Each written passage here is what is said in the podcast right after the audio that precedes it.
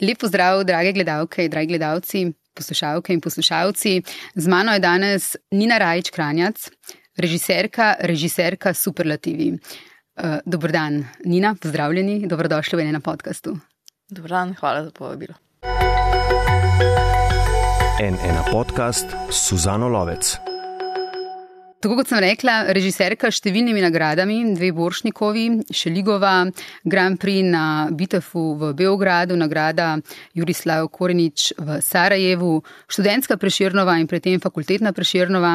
Vi ste letnik 91, ste režiserka, ki jo ne le slovenski, ampak mediji v širši regiji omenjajo superlativi, vodilni glas prihajajoče generacije ustvarjalcev pravijo in začela bom mogoče malce nenavadno. Um, se kdaj vse to, uh, nagrade, superlative, to pozornost medijev um, za vaše delo, način, kako pišejo, pišemo o vas, um, to, da vas imamo za glas generacije, občutili tudi kot pritisk? Mm. Mm, ja, mogoče kdaj ja. Uh, se mi pa zdi, da je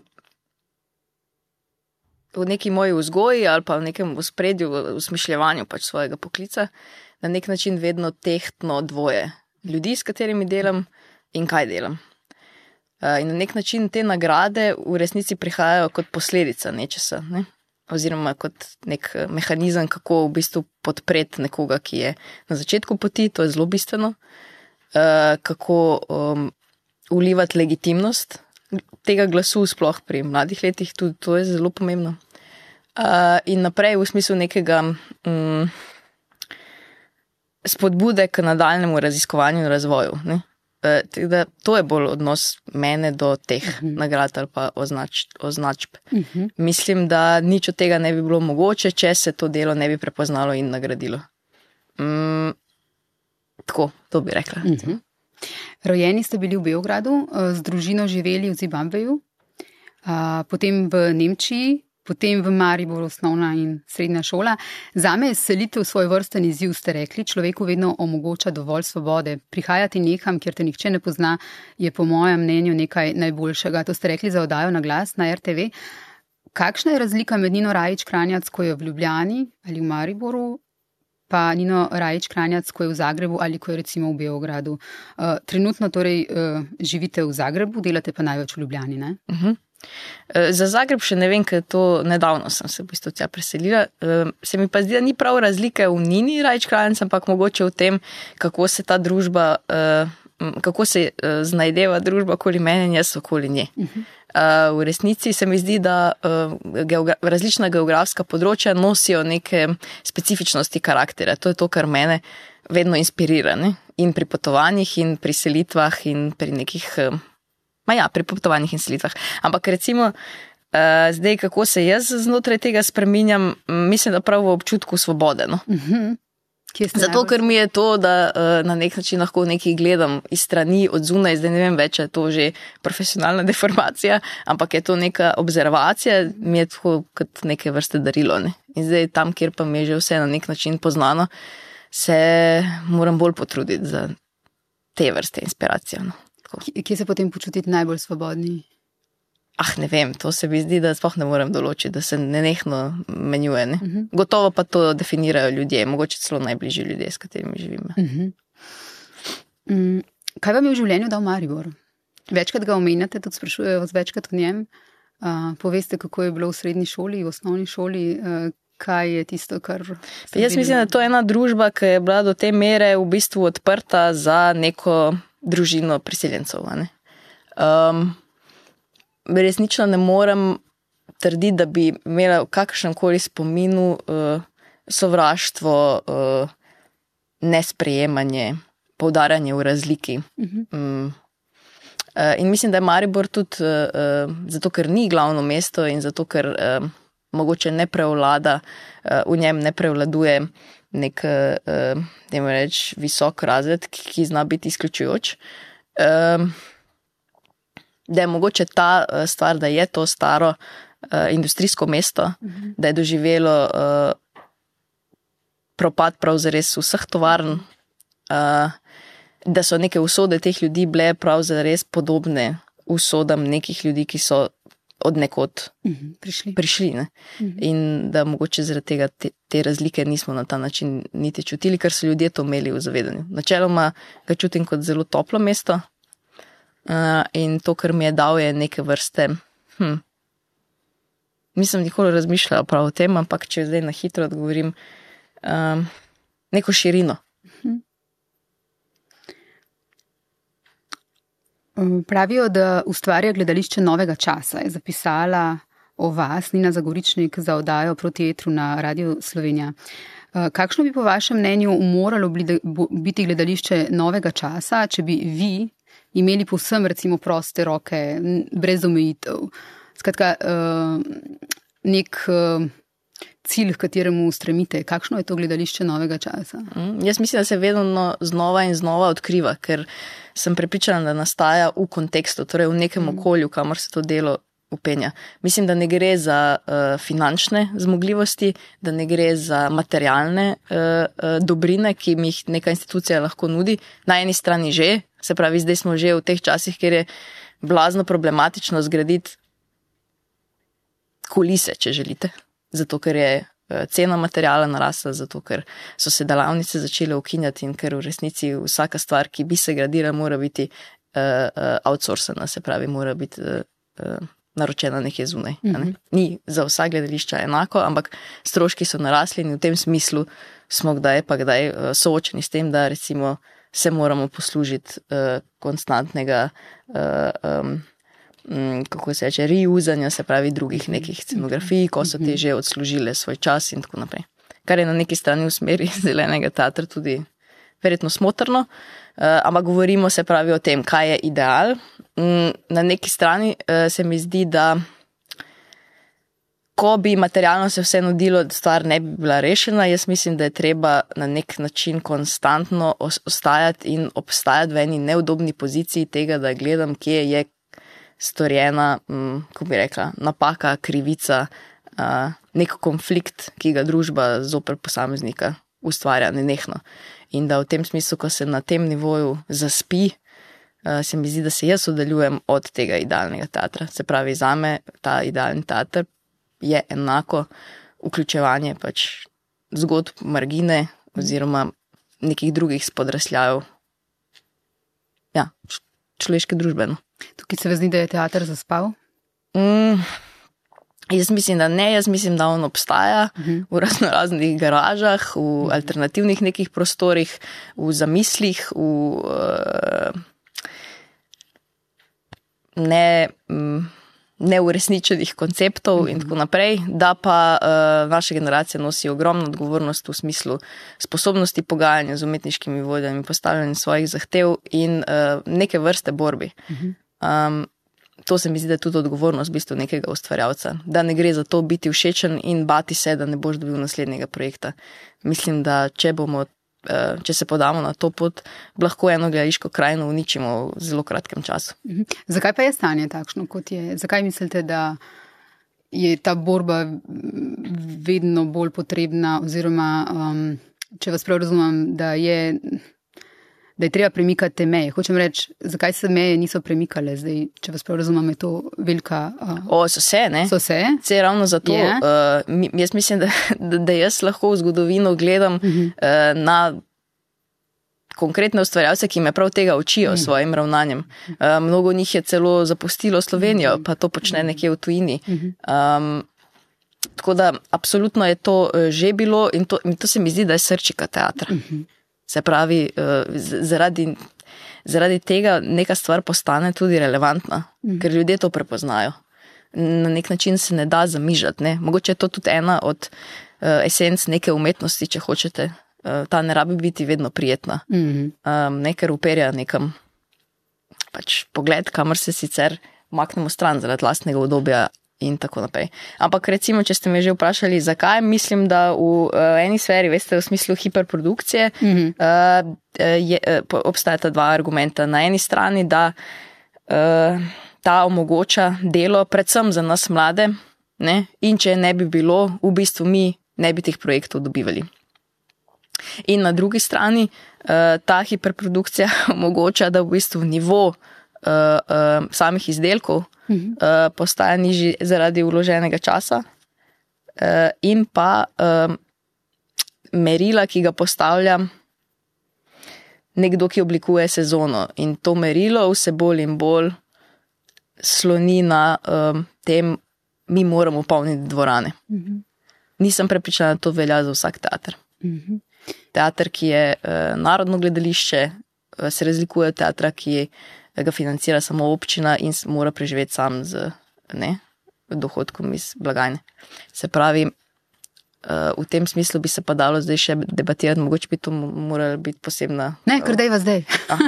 Kaj vidite tukaj vprašajte, ja. rešitve? O hiperprodukciji ste javno že govorili in jo Mm. kritizirali. ne? Ampak kam vodi, kako recimo se občuti ta hiperprodukcija, kaj pomeni, kaj povzroča, eh, če lahko mogoče malo več o tem. Ja, uh, najprej. Um, to zdaj spet, j- jaz bi tako povdarila. Jaz bom govorila, kaj v bistvu povzroča meni, na kak način jo jaz uh, dojemam, najbrž pa obstaja na njo pogledov tisoče in tako. Za moj ustvarjalni proces je nujno, da uh, ljudje, s katerimi delam, so v, uh, najprej v popolnem zdravju. Uh, vitalni, uh, pri stvari in z veliko željo po ustvarjanju. Veliko krat se zgodi, da temu ni tako. Mm. Ljudje so izčrpani, um, delajo prekomerna, uh, um, prekomerno delo no? in to seveda nosi svoje posledice. Na drugi strani pa sam kreativni proces, uh, kdaj pa kdaj omogoča, da greš čez svoje meje. Zato, ker me nekaj do te mere potegne in se mi zdi tako nujno uh -huh. to stvar narediti, da sem pripravljena v bistvu lastne potrebe na nek način preslišati ne nujno zanemarjati, ampak preslišati. Uh, in uh, kdaj pa kdaj postane tudi nečastno reči, tega projekta ne morem narediti, zato ker sem enostavno preutrujena. Čudno zveni. Ne? To je recimo ena stran. Uh, druga stvar, ki se mi zdi pomembna, je, da um, ko delam predstavo, ne hitim za ciljem. V hiperprodukciji ni mogoče ne hiteti za ciljem, ker je prva stvar, zakaj ta projekt dobim, da m, na nek način čim bolje uh, konkretiziramo oziroma spravimo v življenje točno ta cilj. Ne? Zdaj pa govorimo že o tem, okay, kakšna naj bo ta predstava, za koga je namenjena in čemu. Meni se zdi, da ta vprašanja sledijo znotraj procesa, če ga razvijam kot jaz želim, v bistvu odkrivam, kakšna naj bo ta predstava. Uh, komu je namenjena, pa v resnici ne moramo to spraviti na en profil, se mi zdi, da bo potem banalna. Ne bo v samem konfliktu uh, zapopadla pač vseh plasti, ne? oziroma vseh pogledov, oziroma vseh nivojev. Um, to recimo se mi zdi, da je en tak tretji problematičen element. Uh, uh, in četrti, da v bistvu si zamenljiv. Uh, v tem smislu, mislim, da beseda sama pove. no. Mm -hmm. Nek sistem, neke stvari lahko. mm,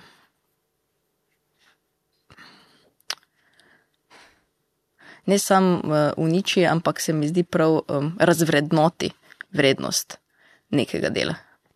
O tem se veliko sprašujete, o posledicah hiperprodukcije, hočem reči sama pri sebi, eh, kje boste delali naprej in tako naprej. Ja, um, vse.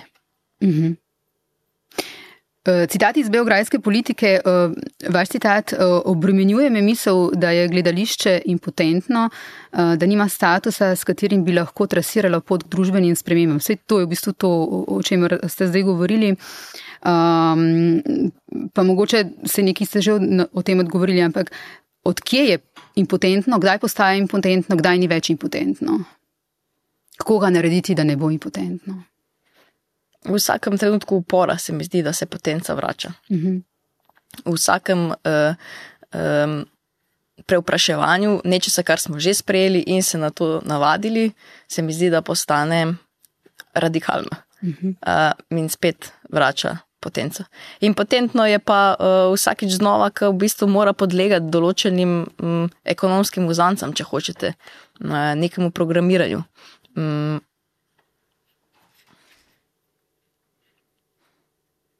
ko je v spredju v resnici samo dobiček, uh, nisem prepričana, da uh, to publika ne vidi. Mhm. jaz v bistvu občinstvu zelo zaupam. Mm, ko gledam uh, lastne predstave ali pa tuje predstave, je najbolj zanimivo gledati, aha, kje je pozornost v resnici pada. In pada prav tam, kjer ni v nič konkretnega ta stvar, ki jo gledam, upeta. Lahko je lepa, lahko je, kaj pa vem, zabavna. Um, ampak pozornost, recimo 350 ljudi v dvorani, ko se začne dogajati en dogodek, ki je, da mu rečem, uh, iritanten, problematičen, zato ker v njemu prepoznavamo, kakšni mehanizmi ga omogočajo. Jaz vam zagotavljam, da je pozornost jasna. Um, a je prijetna?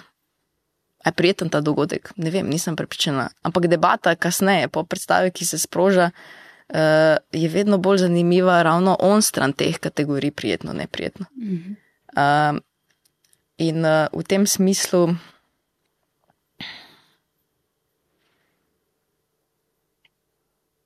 Se mi zdi, da je ta impotenca nastala, ko je um, prostor nekega gledališča vzeti kot en talec za neko ideologijo, če hočete. Katero ideologijo? Kapital. Mhm.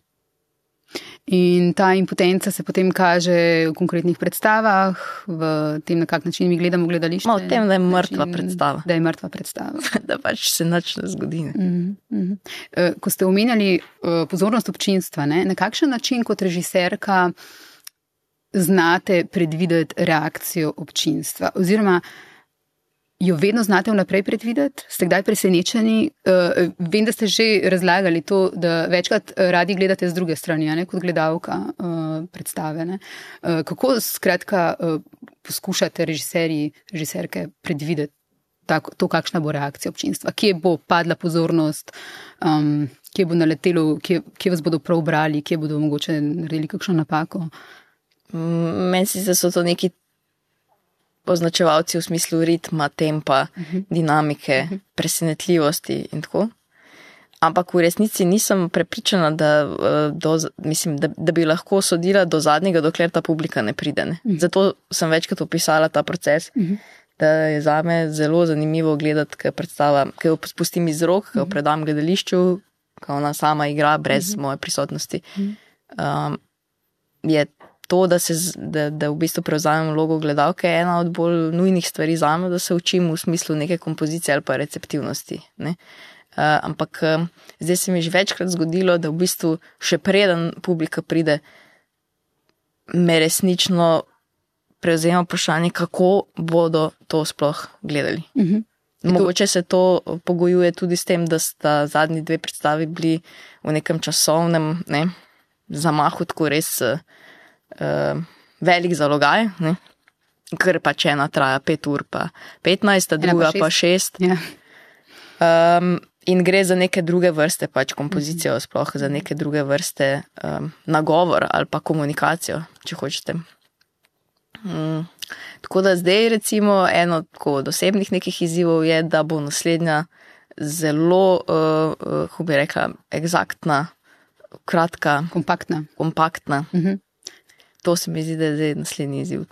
Skratka, po eni strani, uh, torej solo traja, ne, približno šest ur. Uh, Ang... solo, solo je zavisi, ker to uh -huh. v bistvu uh, na nek način so eni deli prepuščeni tudi konstantnim spremembam. Uh -huh. um, tako da solo je bil nekje štiri, štiri pa pol. Uh -huh. uh, Angel v Ameriki okrog pet, ne? Da je šest, ja. Šest. Ja. Ja. Mrakjada pa pet. Ja. Tako. Um, kako po eni strani zdaj ste upisovali to pozornost gledalcev, ampak uh, kaj pa pozornost uh, igralcev in vas? Na kak način v bistvu človek drži koncentracijo, torej 4, 5 ali 6 ur uh, z druge strani? Mm. Razumem, da se vi se morate boriti za to pozornost, da, gleda, da gledalce je zanimivo, da ne pade, da v bistvu tudi vse dojame v teh urah. Ampak kaj pa igralci, pa vi, kako to izgleda? Na kak način so tudi vaje različne potem od predstave? Uh -huh, uh -huh. Uh, ja, mislim, sam proces je namenjen nekemu vrstu treninga. Ne? Ampak um, jaz bi mogoče govorila prav iz, iz pozicije, uh, naprimer iz sola, kjer tudi sama sem na odru, pač 4 ure pa pol. Uh -huh. uh, ta nuja, ne povedati neko zgodbo, uh, pripraviti neko presenečenje, vas peljati na eno pot, um, je neke vrste skoraj da trans ali pa prva stvar, ki je meni zdaj na pameti. Uh -huh. Se pravi, jaz v bistvu ne percipiram časa na isti način. Uh -huh. Uh -huh. Razumem, Jaz ja. v bistvu uh, zdaj vlagam vse moči v to, in na nek način so vsi čuti tudi nastavljeni na to, da preverjam, a vas še držim, oziroma vas nimam. In takrat v bistvu čas drugače, uh, drugače teče. teče. Uh -huh. Uh, in tudi uh, na drugi strani se mi pa zdi, da je neki, mm, mm, to bi lahko rekli z eno besedo, adrenalin ali pa pozornost. Uh, ampak uh, na drugi strani pa uh, je ta odziv v bistvu publike ne? in ta želja, ne? ko češ, da jim iti naprej, ker točno veš, kdaj ga v bistvu. Kdaj ga po domače ne, vlečem uh -huh. in v bistvu držim ljudi v tem, da ne zmorejo več in si mislijo, da je že to poanto. Ne? da je nam jo. Uh, ampak recimo zato se mi zdi, da je koncipiranje, kako, kako v dolgih predstavah sploh delati evente, ker to je v bistvu bolj dogodek. Uh -huh. Ni več oblikovana uh -huh. neka stvar, kjer nekdo gleda, drugi pa igra. Ampak v bistvu se na nek način ustvarja neke vrste komunity, uh, v katerem um, se spretno izmikam temu, da vi lahko samo gledate. Se pravi, terjam nekaj več od vas in od sebe. Uh, in v tem smislu se mi zdi, da, da stvar potem nekako teče drugim tempom. Uh -huh. In recimo za solo moram reči, da uh, še ko se predstava konča, se to druženje nadaljuje. Uh -huh. Uh -huh. In kar nima konca, in kar nima konca. Mislim, tako da je mogoče to tudi um, nekako najbolj bistveno v eni obliki. Ja.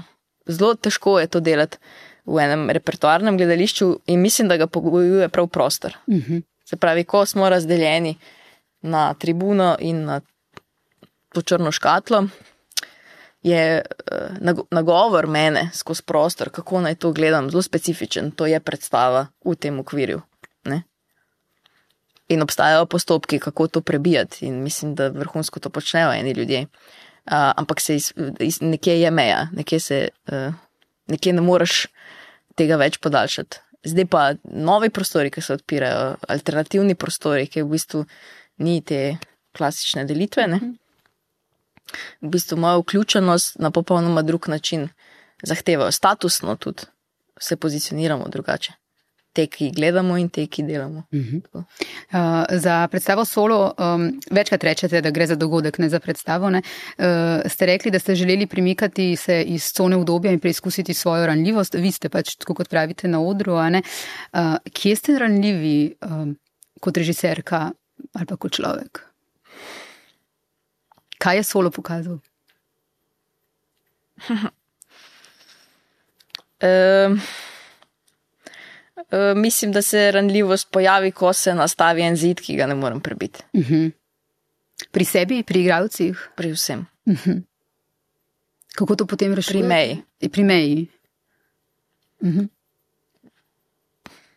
Kako, Kako rešujem? Ja. Um, to je nekakšna tema, no? Ja. Delga, Ja. ja. Dela, mogoče tudi. Uh -huh. Uh, mislim, da je to na nek način tudi super motivacija za naprej. Uh. Uh, ampak je to neko premišljanje, ali pa kam se v bistvu umeščam, ko to doživim. Uh, nekako nujno za to, da izberem, kaj bo naslednji material, s katerim se bom ukvarjala, kaj bo naslednja tema. Tukaj neke vrste popkovina no, Uh -huh. Uh -huh. do tega teatra. ja. Ker v mladini, ne, iz portreta v mladini, uh, pravite, uh, solo raziskuje meje, ki definirajo poklic režiserja oziroma njegovo disciplino, s tem pa implicira njegovo samoto in nepotrebnost. Ko se režiser znajde brez ljudi, ki so zanj nujni, postane pojem brez funkcije, brez smisla odvečen. To nas je zanimalo in tem smo se razigrali.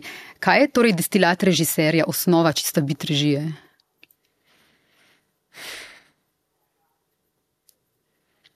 Za vas, ne. Uh -huh. ja.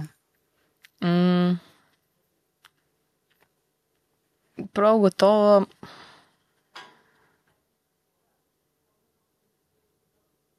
Komunikacija in nek poriv. Uh -huh. Neka težka potreba po oblikovanju stališča.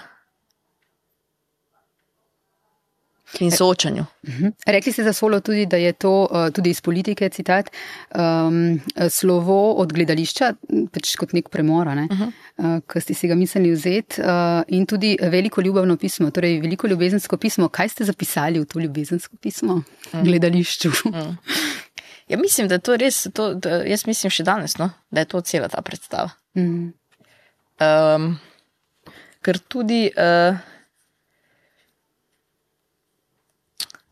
v, sam, v samem slovesu ne, uh -huh. uh, obstaja način, kako bom šla. Ne. Smešno je, ne? mislim, jaz sem 30 let, sem bila takrat stara, zdaj imam 32. Uh, in v bistvu sem si nanudila en prostor, da ohajam po 90 letih dela, me razumete? Yeah. Ja. Mm, in v smislu nekega skoka, kam jaz to potujem v tej predstavi. Uh -huh. uh, sem v enem trenutku stara tudi 90 uh -huh. let. Uh, kaj v bistvu sama sebi sporočam, sama sebi kot gledalki, sama sebi kot ne, tej punci, ki je šele vstopila v ta svet, sama sebi kot človeku, ustvarjalcu. Ne.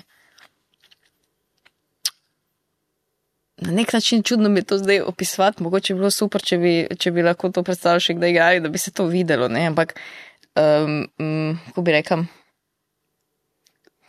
poskušala sem v bistvu svoj problem uh, postaviti ven, ga oblikovati v različne, da jim rečem, osebe, predvsem za to ekipo, s katero smo delali, mhm. se pravi Marko Mandič, mhm. Nataša Keser, Benjamin Krnetič.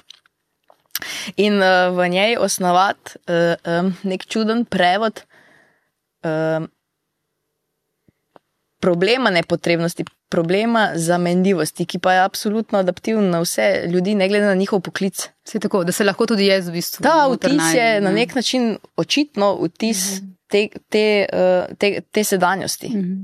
uh, in v tem se mi zdi, da se ljudje zelo hitro navežejo, ker uh, koliko je govora o teatru.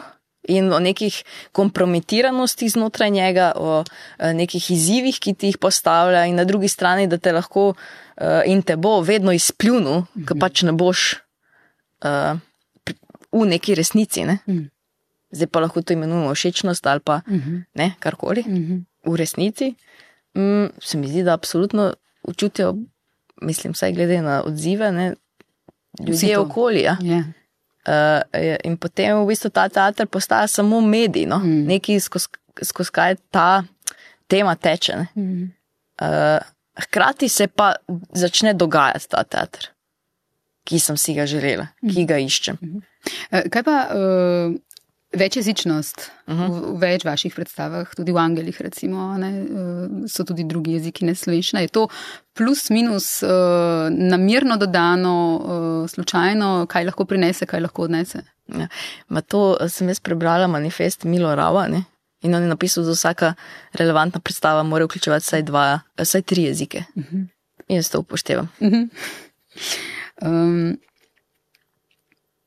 v gledališču vas zanima predvsem delo z igravci. Komunikacijo ste omenili, danes mislim, da že večkrat. Um, obožujete, pravite, slovenske igravce, pa tudi hrvaške, srpske, makedonske, bosanske. To so velikani, s katerimi sem rasla v gledanju filmov. S kom radi delate in s kom bi še radi delali? Mandiča večkrat omenjata, omenjate. Um,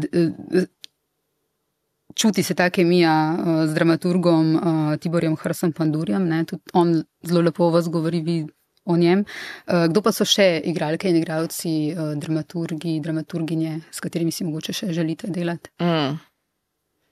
Je to malo nehvaležno. Vem, jaz sem odne reči. Um, tudi mi v mojem stilu, zdaj, da bi jih rangirala.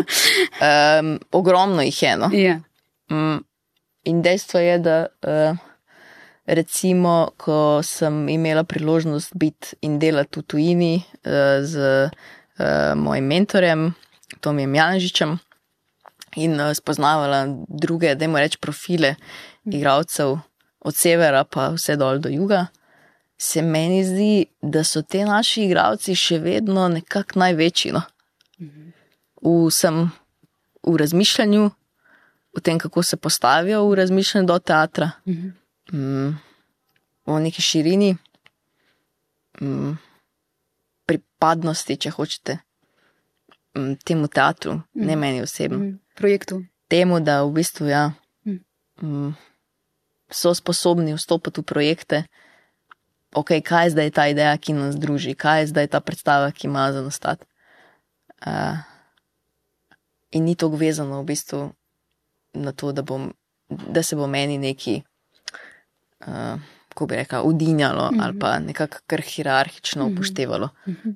uh, in to je neka zrelost, ki se mi zdi, da je posledica enega režijskega dela, večjih generacij, uh, ene družbe, ki se je v tej gledališki krajini odločila, da uh, teater postavi na eno zelo pomembno mesto v smislu uložke energije, uh, premišljanja uh mhm. -huh.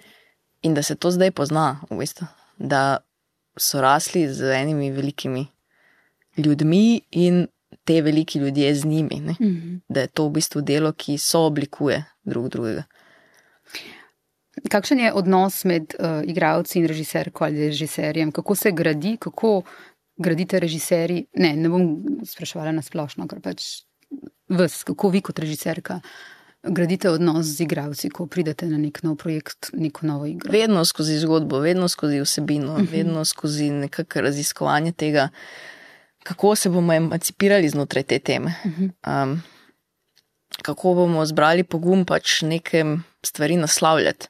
Uh, in kako jih razpostaviti, v bistvu, da postanejo ne, konfliktne, to, kar je na nek način bistvo za ta teater. Mhm. -huh.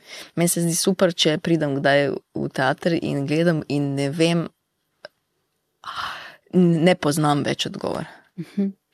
Se pravi, na nek način, ko se spravimo na neko pot, mi zdi, da je želja na eni in na drugi strani, da, da se popolnoma potopimo in v bistvu izgubimo, um, kako bi rekla.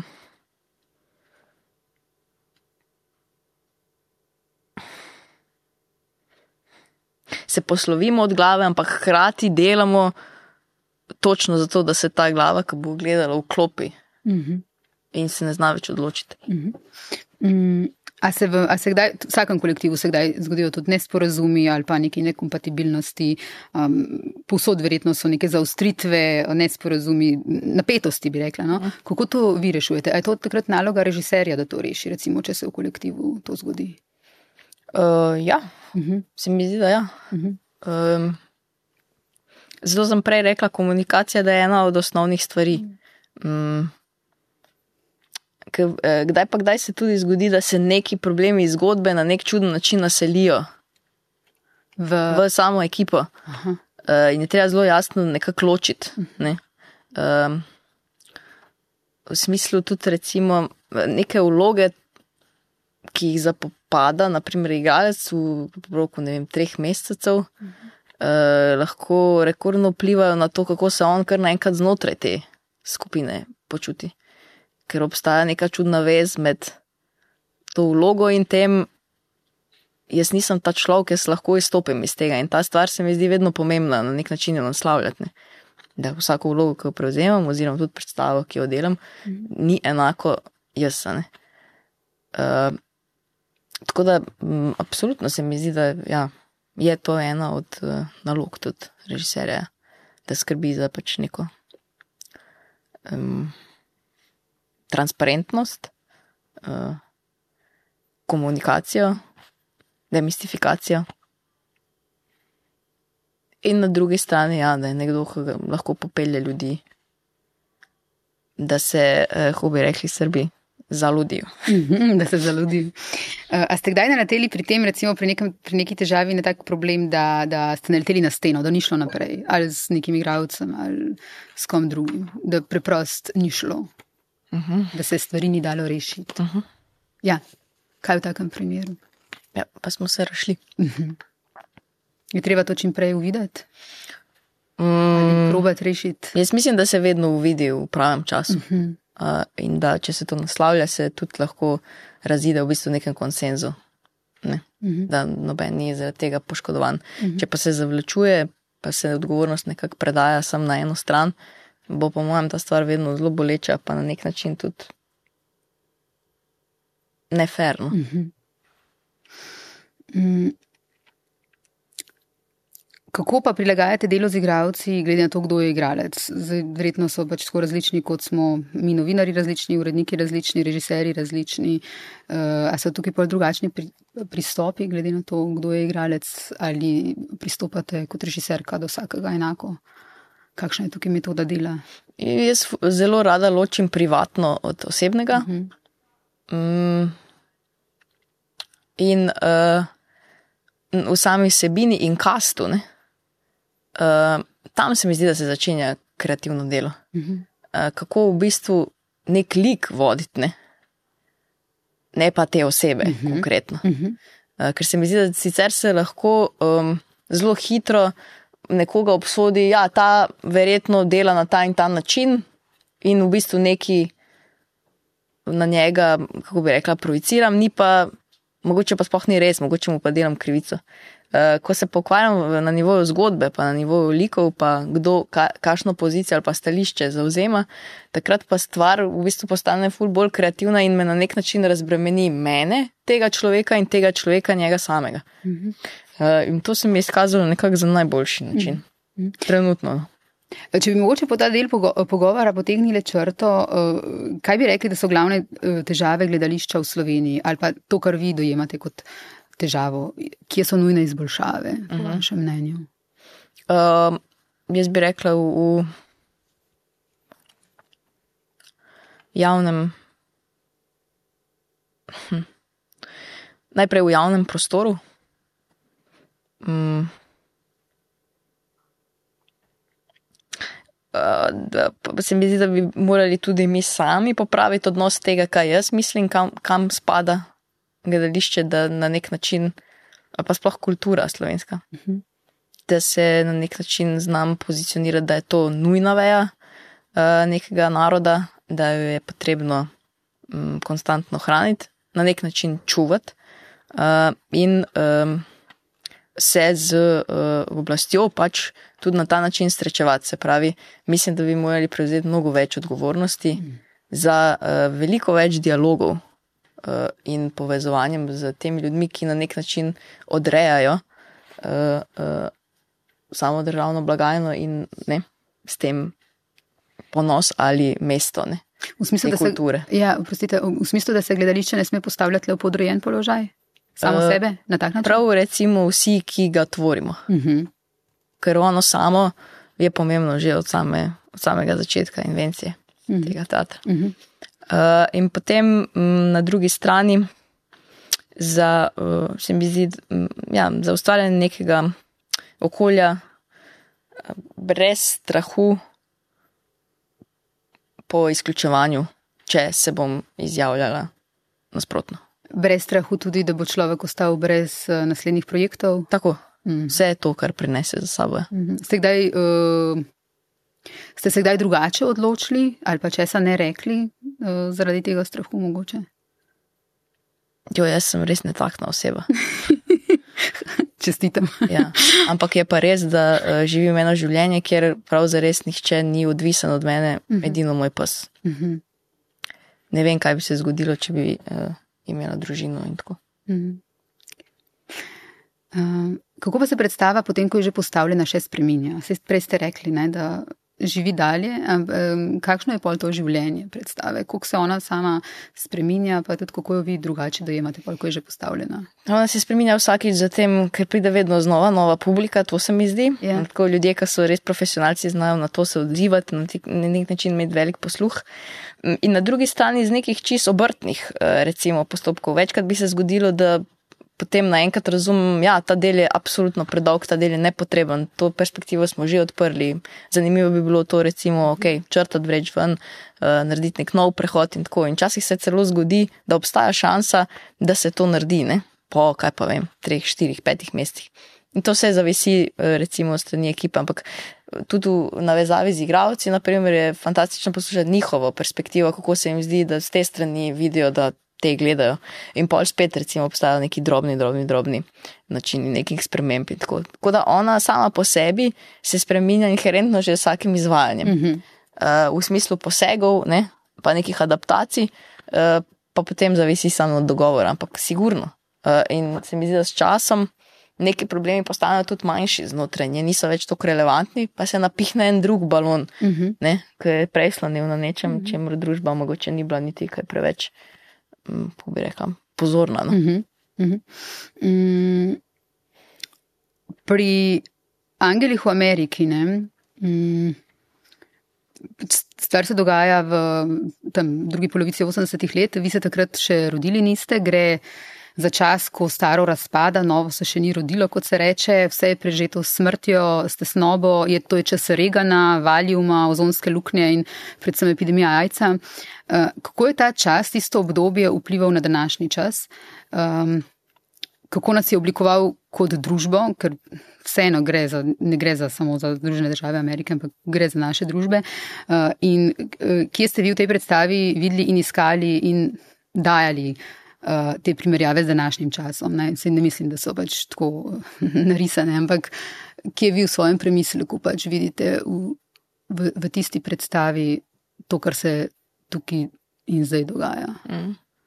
Je zanimivo, recimo, da ste to omenili, aha, kako je zdaj ta čas vplival na nas, ker se mi zdi, da sam po letih ne, in percepciji ne, uh, epidemije kot take ne, je tukaj bilo dolgo časa nekaj zanikano, čeprav so, kot smo brali, se uh, vsi znanstveniki blazno trudili pač ljudi obveščati o tem, da se je pojavil tudi pri nas že en okužen človek, da uh, uh, bi bilo treba v bistvu uvesti uh, slepo testiranje, da bi bilo treba zamejiti uh, oziroma uvesti nov način uh, za pridobivanje krvi in transfuzije. Da, se pravi, oni so imeli ogromno uh, uh, želja in predvsem svaril. Ne?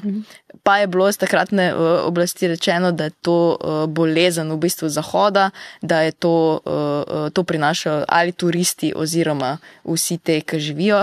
Da se tam, nas ne tiče, skratka. Ne? In jasno pač uh, ne, čista demonizacija v bistvu uh, uh, homoseksualne skupnosti. Se pravi, v tem nekem smislu se takrat začne uh, nekaj, kar je meni zelo poznano danes. Ne? Mhm.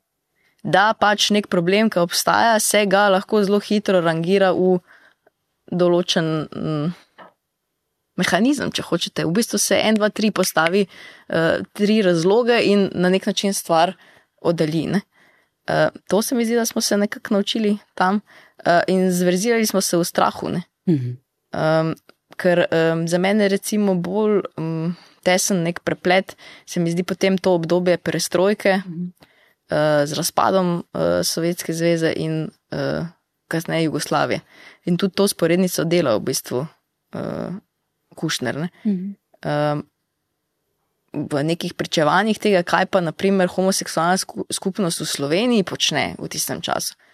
Je pa to napredna vesoljska ladja proti enemu New Yorku. Mhm. Se pravi, tukaj se začnejo dogajati časopisi, revije, shodi, uh, izpisujejo se lokacije, kje vse se da najti podobne ljudi, ljudje se začnejo dopisovati. Se pravi, neka ogromna, velik korak se zgodi prav v Sloveniji, naprimer, Mhm. v, v odpiranju oziroma liberaliziranju ne, Mhm. uh, tega okolja. Tako da, uh, mm, ja,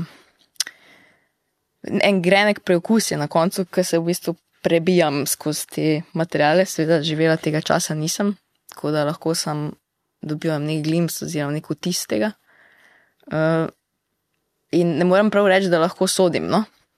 Se mi pa zdi vredno razpirati, ker uh, jaz so recimo eni zgodovini uh, homoseksualne skupnosti ali pa LGBT skupnosti v Sloveniji nisem v bistvu se srečala z materiali, ne v osnovni šoli, ne v srednji šoli.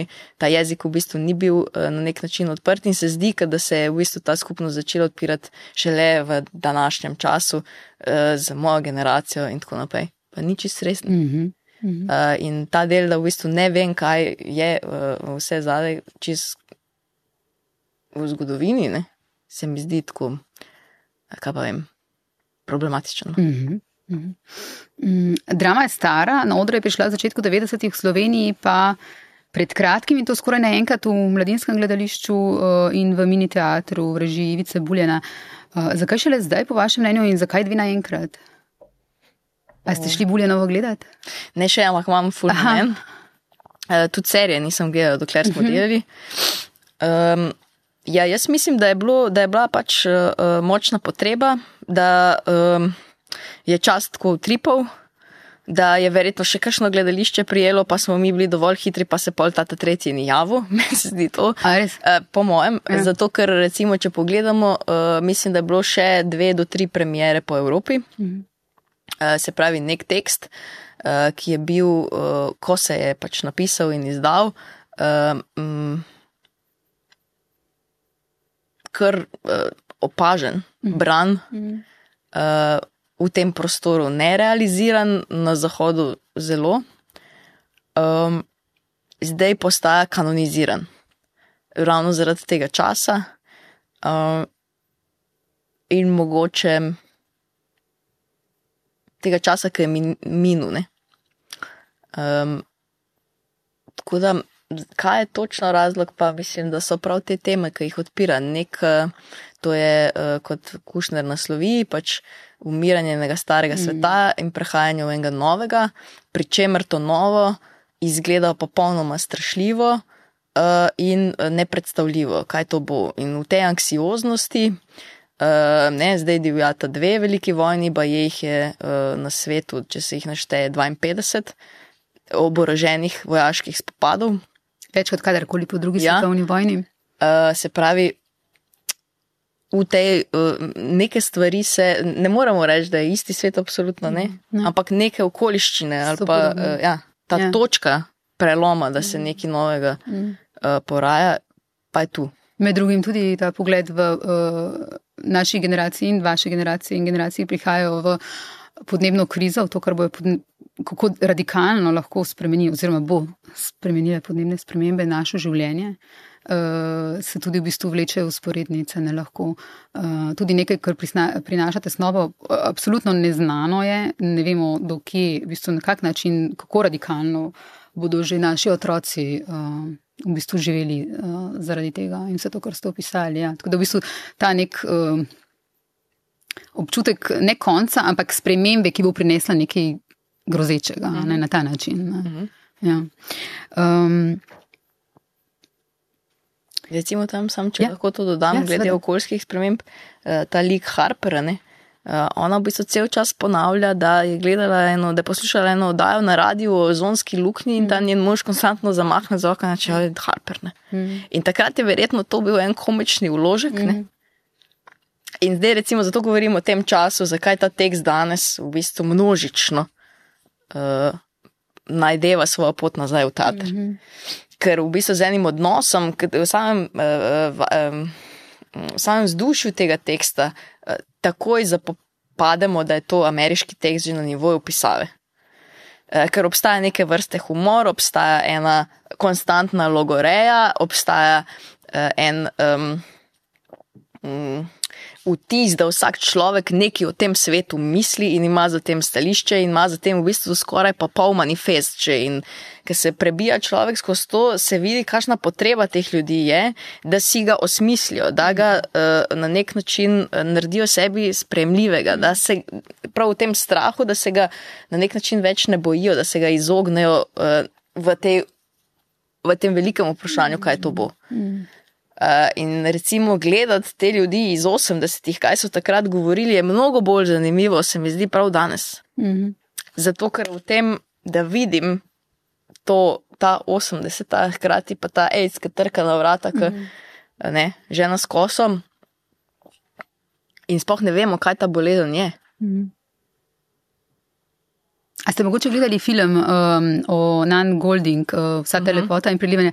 Jaz sem vse čas v bistvu predstave uh, uh. razmišljala, tako so bile reminiscence v bistvu na, na njene fotografije ne, in ja. Na eh, to, kar v bistvu je v filmu opisano. Ja. Ja. Um,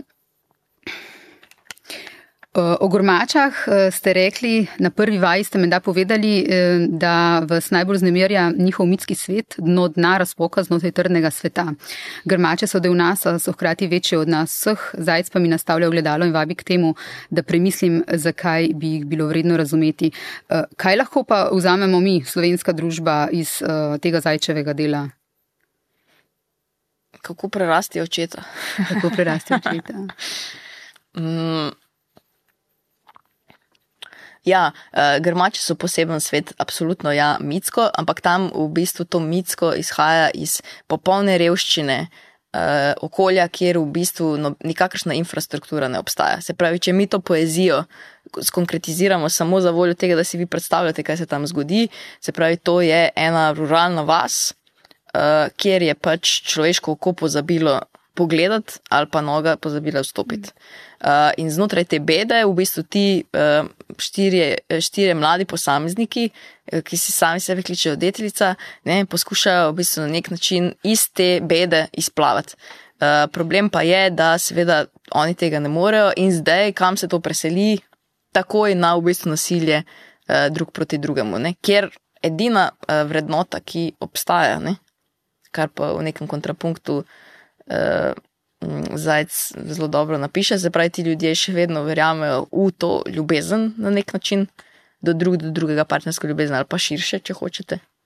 Uh, uh, se pojavi ta denar. Ne? In uh, znotraj tega um, se mi zdi, da se zelo konkretno ponorčuje. Mhm. Uh, ne, ker seveda pripelje tudi do tega, da nekdo pade v jamo, In ta svet je cel čas mitski svet in zavit v uh, metafore, ampak v eni slovenski zgodovini v bistvu zelo hitro razumemo, da govori o uh, klanju v bistvu brata proti bratu.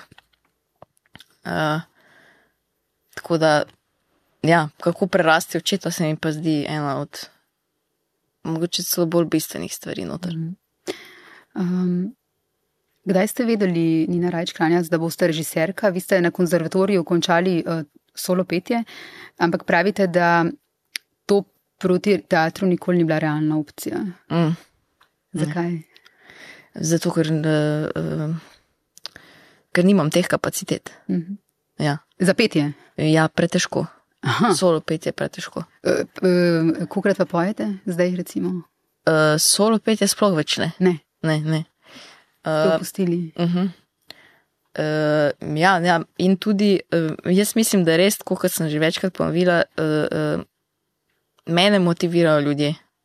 Uh, v smislu samo discipline. -huh. Če, nisem, uh, če ne vem, da bom v bistvu nekaj moral početi za nekoga drugega, jaz uh, te samo discipline, take vrste nimam. Uh, in solo petje je na nek način osamljena uh, veja v samem urenju. Uh -huh. Mm, tesno je povezana tudi z telesom, z nego telesa, z uh, konstantnimi odpovedovanji in tako. Um, se mi zdi res težka disciplina. No? Mislim, za me pretežka. Poštujem vse, kar to zmorejo. Mhm. Veliko se ukvarjate tudi z identiteto, pravite, s tem, uh, odkot prihajate, odkje ste, kje je dom.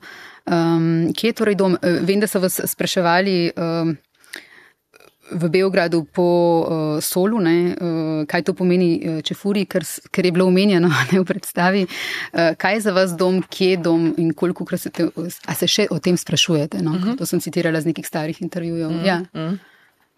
uh, ja, to je konstantno vprašanje. Uh mhm. -huh. Ne vem. Ne veste. Meni so starši, moja mama, ki ni bila doma iz, iz istega kraja, kjer smo mi živeli, je enkrat, ko sva bila zelo majhna z bratom in so jo konstantno spraševala, uh, Um, ampak, ok, mi smo tukaj doma, ampak kje si ti doma, ker tvoji starši so doma, drugi kot ti. In je, mislim, da dala tako odgovor mi za celo življenje, da, mm. da v bistvu nje je dom tam, kjer smo mi, ne? da to ni lokacija. Ampak je to tam, kjer so tisti, ki jih imaš rad. To sem po mojem že večkrat povedala, kar se mi zdi, da je ja. stvar, ki me spremlja v, v življenju.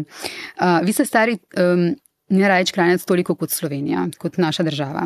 Vi ste ta generacija, za katero novinari, eh, zdaj že odkar ste, mislim, da polnoletni, ta generacija, ki jo sprašujemo konstantno, eh, ne, se obračamo na to vašo generacijo in sprašujemo, okay, kje smo. Kje je Slovenija zdaj, eh, kaj vaša generacija dela, kako se vi počutite, um, kaj mislite, kaj vaša generacija misli, da so problemi. Uh, tako da vas imamo, se mi zdi, kot za nek lakmusov papir, Aha kaj je ta država dosegla, česa ni dosegla. Um, zato vas vprašam, kaj bi kritizirali na Sloveniji? Pravite, da ste brezkompromisni, oziroma da se ne držite nazaj, kar je super. Uh, kaj mislite, da je dobro uh, iz te države, v tej državi nastalo in kaj je tisto, kar je absolutno potrebno kritike, po vašem mnenju?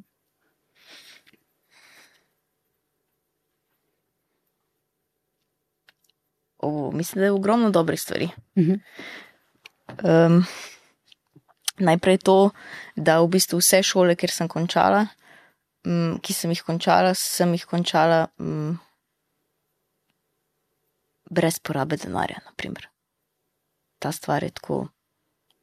nekaj, Javno kar je šolstvo, skratka, nekaj za negovati ja, in vlagati van. Privilegij, Mhm. mm -hmm. nuja, mm Mhm. -hmm. zavarovati. Mhm. Uh, in tudi to, da v bistvu kadri, ki sem jih srečevala, ki so me poučevali, Mhm. so v bistvu bili vrhunski. Mhm. In to je treba varovati. Um, to se mi zdi tako temeljna stvar, in mogoče bo to dovolj za dobro stran. Um, za to mogoče manj dobro ali pa slabo. Pa. Uh,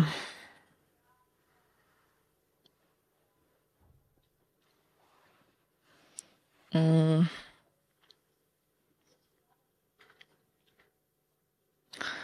Ja, da bo treba začeti odrihati po kompromitiranosti, se mi zdi. Mhm. Kakšen smisel? Mm, da se mi zdi prav, da.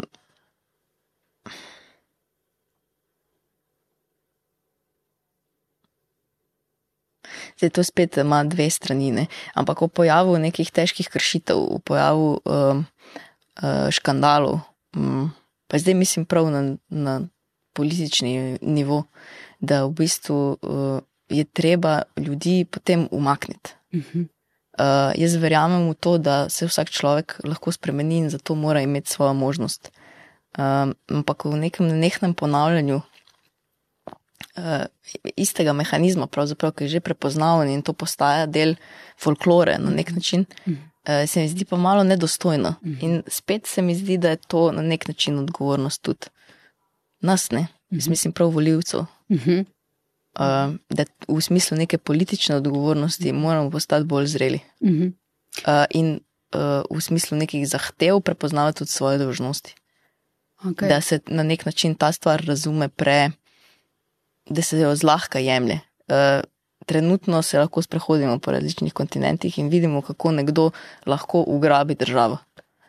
Um, kako hitro v bistvu neke stvari, ki jih imamo mi za samoumevne, v smislu mir, blaginja, uh, javno šolstvo, javno zdravstvo, Mm. postajajo uh, Pravice žensk. pravice žensk. Mm. Samo Mhm. izpuhtijo. Mhm. Uh, in ta del se mi zdi, da je treba popraviti. Mhm. Uh, okay, hvala lepa. In da je to skratka dožnost vseh nas, čutite pa, če vas prav razumem, tudi kot dožnost vaše generacije. To. Ja. Ja. In pač nekih organov pregona. Mhm. Okay. Najlepša hvala za pogovor, hvala, ker ste prišli uh, uspešno delo še naprej, uh, z veseljem ga bomo spremljali. Hvala vam. Hvala tudi gledalkam in gledalcem, poslušalcem in poslušalkam. Eno kratko pauzo bomo naredili v enena podcastih, ampak uh, kmalo bom spet z vami.